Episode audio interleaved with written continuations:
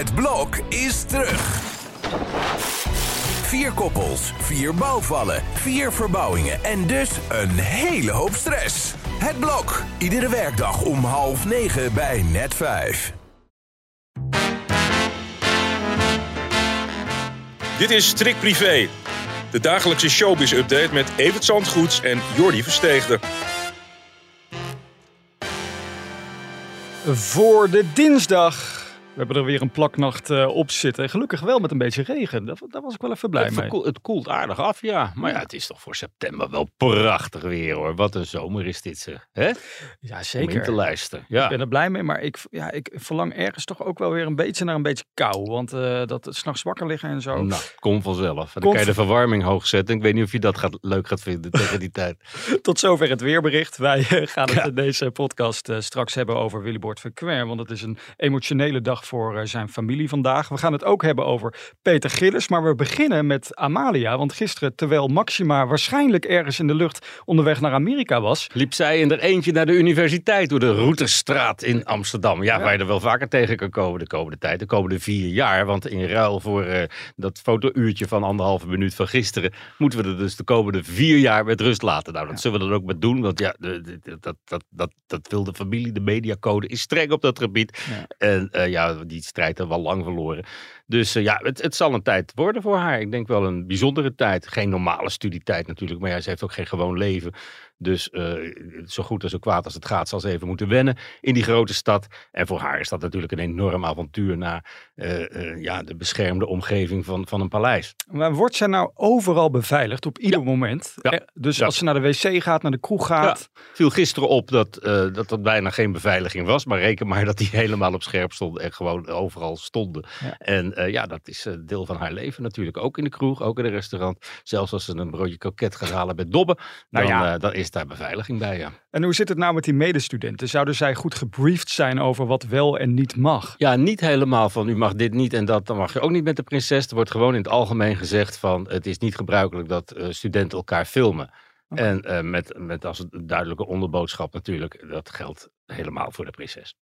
Over ba- bang zijn voor uitlekken. We gaan het over eh, Harry en Meghan hebben. Want zij zijn op dit moment eh, weer even terug in Engeland. Maar William wil hun echt absoluut niet zien. Want hij is ook bang voor Ja, ze zitten echt op een steenworp afstand van elkaar. En, en er gaat waarschijnlijk geen ontmoeting plaatsvinden. Wel met de koningin, daar gaan ze langs. En eh, dat is dan tenminste één ding. Maar de broers, ja, dat is goed verziekt, zegt die verhouding. Dat is echt heel erg opvallend. En er is zelfs uit het kamp van William nu doorgeschemerd dat hij bang al is dat er gesprekken opgenomen gaan worden. En dan denk je, nou, zijn ze niet nu helemaal doorgeslagen?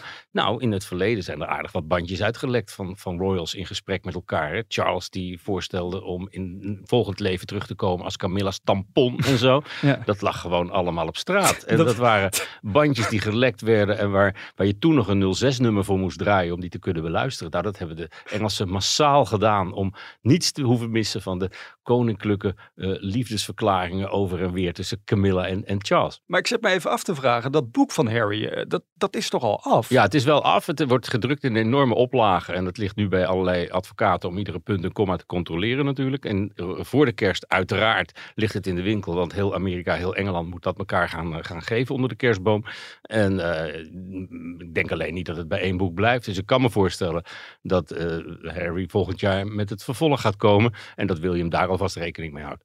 Er gaat bijna geen eh, aflevering van de Strikt Privé podcast voorbij zonder dat we het eh, over Nick en Simon eh, hebben gehad natuurlijk. Ja. Ehm, ze zijn uit elkaar en niet alleen fysiek, maar ook in Madame Tussauds. Nou, ik moet Madame Tussauds één ding goed nageven. Z- Zonder advertentiebudget weten ze wel iedere keer het nieuws te halen. Ze waren zelfs dicht toen de rel rond Marco Borsato eh, losbarstte. Toen speelde corona nog. Toen hadden ze het nieuws dat ze het beeld van Marco Borsato weggehaald hebben. Claimde ook even een persmoment. En nu doen ze dit. Ja, het is op zich wel geestig dat, eh, eh, dat je een duo wat, wat niet meer al te goed door één deur kan uit elkaar haalt. Nieuw is dat niet. Je zag het ook al in de, in de Engelse Madame Tussauds in Londen, Baker Street.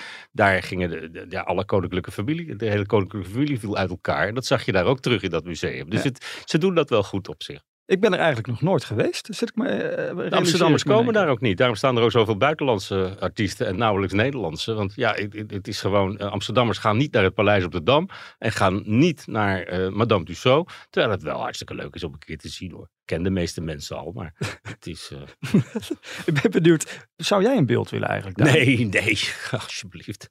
Alles op mezelf.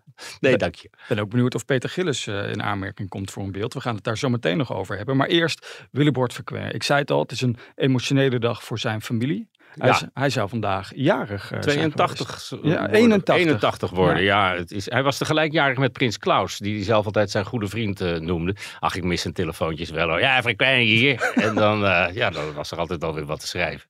En eh, het was een bijzondere uitvaart. Duurde heel lang, afgelopen zomer in, in Laren. En ja, de- de- het einde van Willebord werd weliswaar aangekondigd. Hij was heel erg ziek op het laatst. Maar die laatste dagen is dat toch nog heel erg snel gegaan. En zoals een van zijn kinderen tijdens die dienst vertelde. eh, papa ging op zijn liftje zitten naar boven. We hadden met z'n allen gegeten. En hij ging op dat liftje. Nou, dat was het, zei hij. En vervolgens is hij in zijn slaap overleden. Heel mooi einde. Maar ja, nog redelijk vroeg voor een razende reporter. die de hele wereld gezien heeft. Met Prins Klaus was hij ooit in, in Tanzania. En omdat ze allebei jarig waren die dag dat ze terugkwamen. eh, werd hij door Prins Klaus thuisgebracht in het gooi. En die ging vervolgens door naar eh, Drakenstein, denk ik. en ja, dat was een bijzondere vriendschap die je niet ineens zou, zou verwachten. Verkeer en Prins Klaus. Ja, door wat ze in dat soort landen in Afrika gezien hadden samen, schiep dat natuurlijk wel een enorme hechte band tussen de twee. Ja, Willebord eh, wordt, wordt gemist in het wereldje. Ja, we wensen de familie heel veel sterkte natuurlijk. En eh, neem er maar een borrel op. Zou die ook gedaan hebben. Een biertje toch in zijn stamcafé neem ik Van aan. alles wat. Ik, ik heb Willebord nooit twee dezelfde drankjes achter elkaar zien drinken. Doe nou maar je neef, doe nou maar wijn. Eh, altijd wel, altijd wat anders. De hele, de hele drankkaart door elkaar heen. Wij gaan het tot slot hebben over Massa is Kassa. Vanavond weer terug op SBS 6. En terwijl, ja, dat terwijl Peter Gillis natuurlijk wel een beetje omstreden is. nu. Ja, het voordeel van de twijfel krijgt hij nog steeds bij SBS. Ze staan natuurlijk wel klaar om in te grijpen wanneer de rechter besloten heeft dat hij eh, wel degelijk eh, ver- veroordeeld moet worden. Eh, proberen er samen nog steeds uit te komen, Nicole en hij. En, en ja, zo lang mag het programma blijven lopen. De meningen daarover zijn verdeeld. De kijkcijfers die zullen morgen uitwijzen wat het publiek ervan vindt. Of ze een enorme klap erop lopen of dat het gewoon stabiel blijft.